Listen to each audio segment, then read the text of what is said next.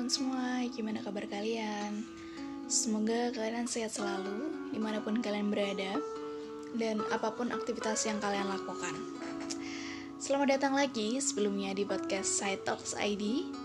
Ini merupakan episode keempat dari podcast Side Talks ID. Pada hari ini aku tertarik banget dengan suatu topik yang aku mau ceritakan dan aku jelaskan jadi topik ini tuh mungkin amat sangat relate atau mungkin sedang kita lakukan setiap harinya terhadap diri sendiri tanpa disadari.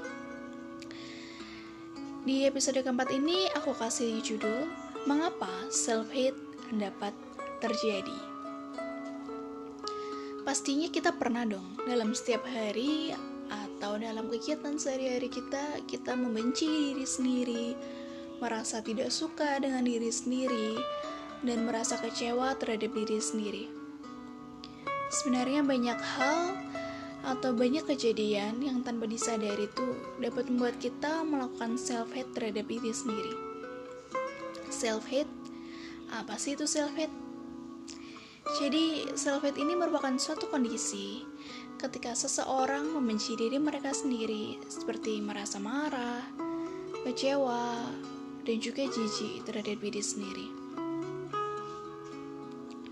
Self-hate ini dapat terjadi karena sebelumnya kita sudah memiliki persepsi yang buruk terhadap diri sendiri dan akhirnya dikembangkan atau dipengaruhi oleh lingkungan atau suatu kondisi dan peristiwa.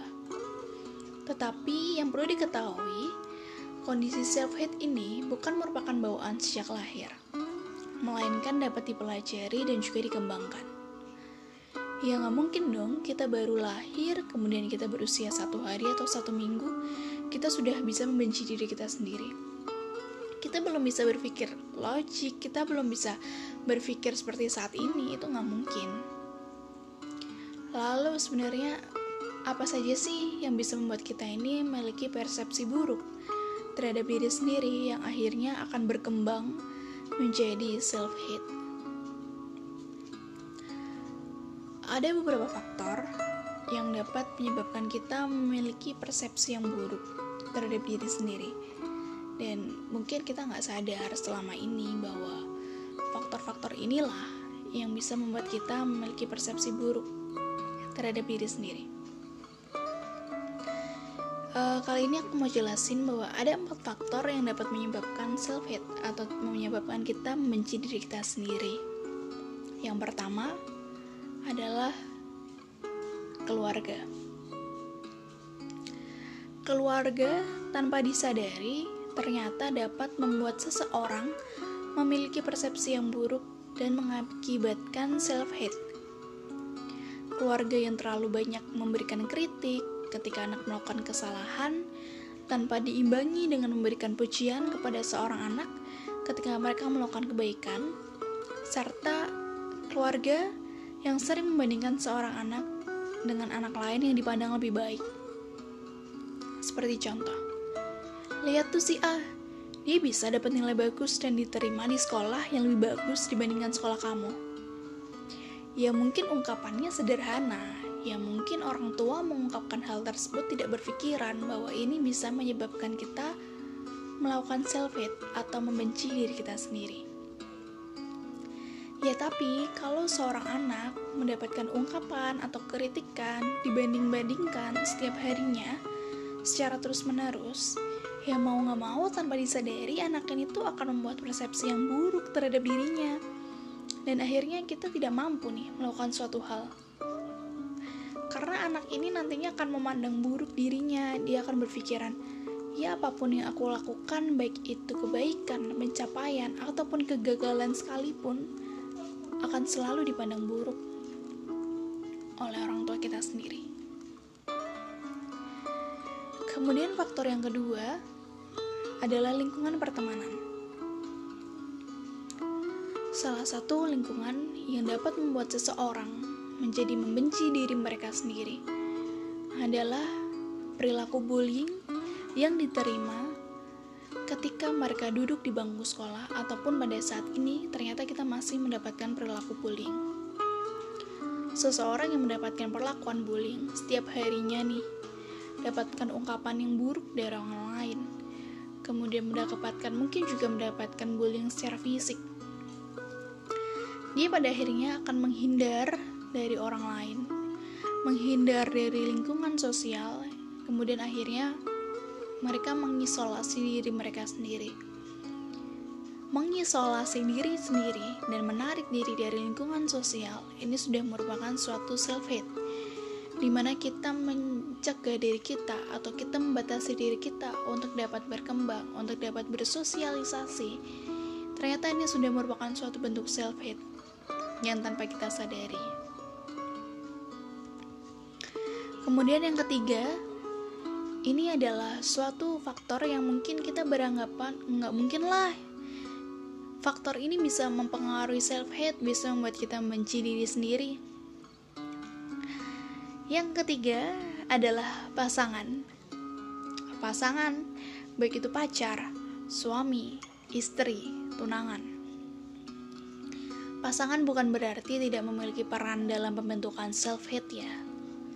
Tetapi ternyata secara tidak langsung, pasangan berperan terhadap pembentukan persepsi menjadi diri sendiri yang nantinya akan berdampak menjadi self-hate ketika seseorang memiliki permasalahan di dalam hubungan romantis. Tidak jarang, pasangan akan mengatakan sesuatu yang buruk dan tanpa disadari, jika hal tersebut diterima secara terus-menerus, akan membuat kita menjadi membenci diri kita sendiri. Seperti halnya, misalkan kita lagi punya masalah dengan pasangan kita. Kemudian pasangan kita memberikan satu ungkapan. Kamu tuh seharusnya bersyukur kalau bukan aku, siapa lagi yang mau sama kamu? Ya terdengarnya simpel, terdengarnya ungkapannya nggak akan berdampak apa-apa. Ya tapi kalau ungkapan itu berulang kali dilakukan, atau mungkin ke depannya ungkapannya menjadi bertambah buruk. Ya mau nggak mau, kita yang terima ungkapan itu akan berpikir bahwa hmm, apa diriku terlalu buruk ya untuk pasanganku? Apa aku seburuk itu? Bahwa selain pasanganku nggak ada yang lagi yang mau sama aku apa aku segitunya kah nggak mau diterima sama orang lain selain pasanganku sendiri? Jadi walaupun dia pasangan kita, tapi bukan berarti mereka tidak bisa membuat kita menjadi membenci diri kita sendiri. Dan faktor yang keempat adalah trauma. Tidak hanya dari keluarga, tidak hanya dari lingkungan pertemanan, dan tidak hanya dari pasangan yang ternyata dapat menyebabkan kita memunculkan perilaku self-hate. Ternyata, suatu peristiwa yang traumatik dapat memunculkan perilaku self-hate. Dan biasanya, perilaku self-hate yang dari faktor traumatik ini lebih dipengaruhi oleh diri sendiri dibandingkan oleh lingkungan. Karena peristiwa tersebut bisa saja hanya kita yang memandang bahwa peristiwa ini termasuk peristiwa traumatik nih bagiku. Tapi ternyata bagi orang lain ini merupakan peristiwa yang dipandang biasa saja atau peristiwa pada umumnya. Dan hanya diriku yang merasakan aku membenci diri sendiri karena peristiwa traumatik ini. Lalu apa dampaknya kalau misalkan secara terus-menerus kita melakukan self-hate atau membenci diri sendiri?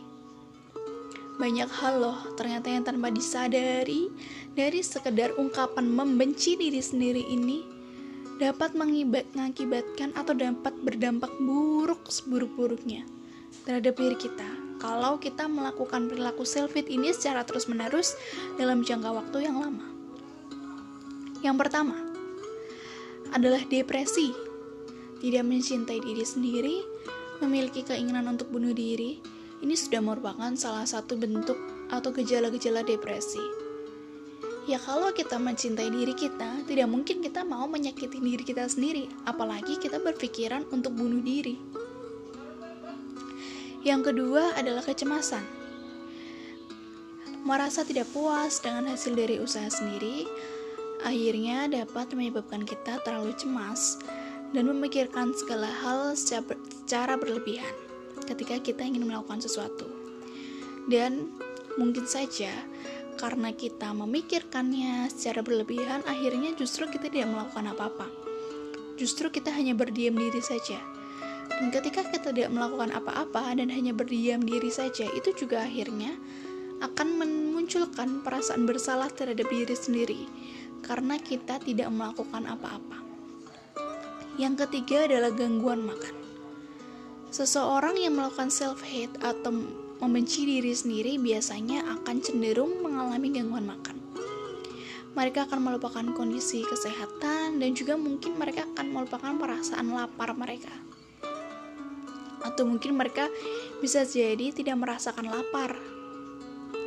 Yang keempat adalah menjadi seorang yang adiksi. Tidak puas dengan suatu hal, ataupun salah satu bentuknya tidak puas dengan bentuk tubuh yang dimiliki pada akhirnya akan membuat kita membenci dengan apa yang sudah diberikan Tuhan atau bentuk tubuh kita saat ini.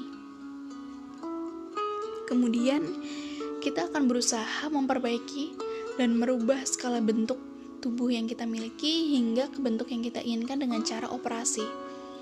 Kita akan melakukan operasi itu sebanyak apa pun, semahal apa pun, dan di mana pun lokasinya kita bisa melakukan operasi, kita akan melakukannya hingga kita sudah merasa puas dan kita sudah merasa cukup dengan bentuk tubuh yang kita miliki. Banyak hal yang mungkin sederhana yang ternyata bisa membuat kita membenci diri kita sendiri. Dan ternyata dengan sekadar kalimat membenci diri sendiri, dampaknya itu luar biasa. Dampaknya tidak hanya kita merasa marah ke diri kita, merasa kecewa, tapi ternyata apa? Kita bisa merasa depresi, kecemasan, gangguan makan, dan menjadi seseorang yang adiksi. Ya mungkin mulai saat ini kita harus mulai bisa menerima diri sendiri, mencintai diri sendiri, dan bersyukur dengan apa yang kita miliki. Dan ya, mungkin ini aja untuk di episode keempat. Aku membahas tentang self-hate, faktor penyebabnya, dan juga dampaknya.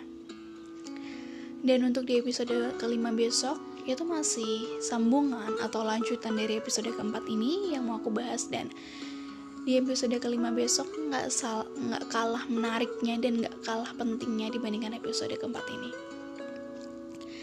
Ya aku hanya berharap ketika teman-teman udah tahu nih informasi atau edukasi tentang self hate, faktor penyebabnya dan dampaknya, kalian mulai bisa meminimalisir bagaimana memandang diri sendiri, mencintai diri sendiri, menerima kekurangan, dan juga bersyukur dengan apa yang kalian miliki. Makasih yang udah mau dengerin, dan kalau kalian gak mau ketinggalan informasi atau edukasi dari Set Talks ID, jangan lupa untuk follow podcast dari Set Talks ID dan juga follow Instagram dari Set Talks ID. Dan ya, ini adalah episode keempat, dan terima kasih sudah mau mendengarkan. Dan teman-teman stay safe selalu ya, pakai masker di mana pun kalian pergi, bawain sanitizer dan juga akhir-akhir ini lagi hujan di Jogja dan mungkin di tempat lain juga lagi hujan. Jangan lupa untuk pakai mantel atau bawa mantel ke mana pun kalian pergi dan juga minum vitamin deh biar badannya sehat selalu. Dan bye, selamat jumpa lagi di podcast selanjutnya. Dah.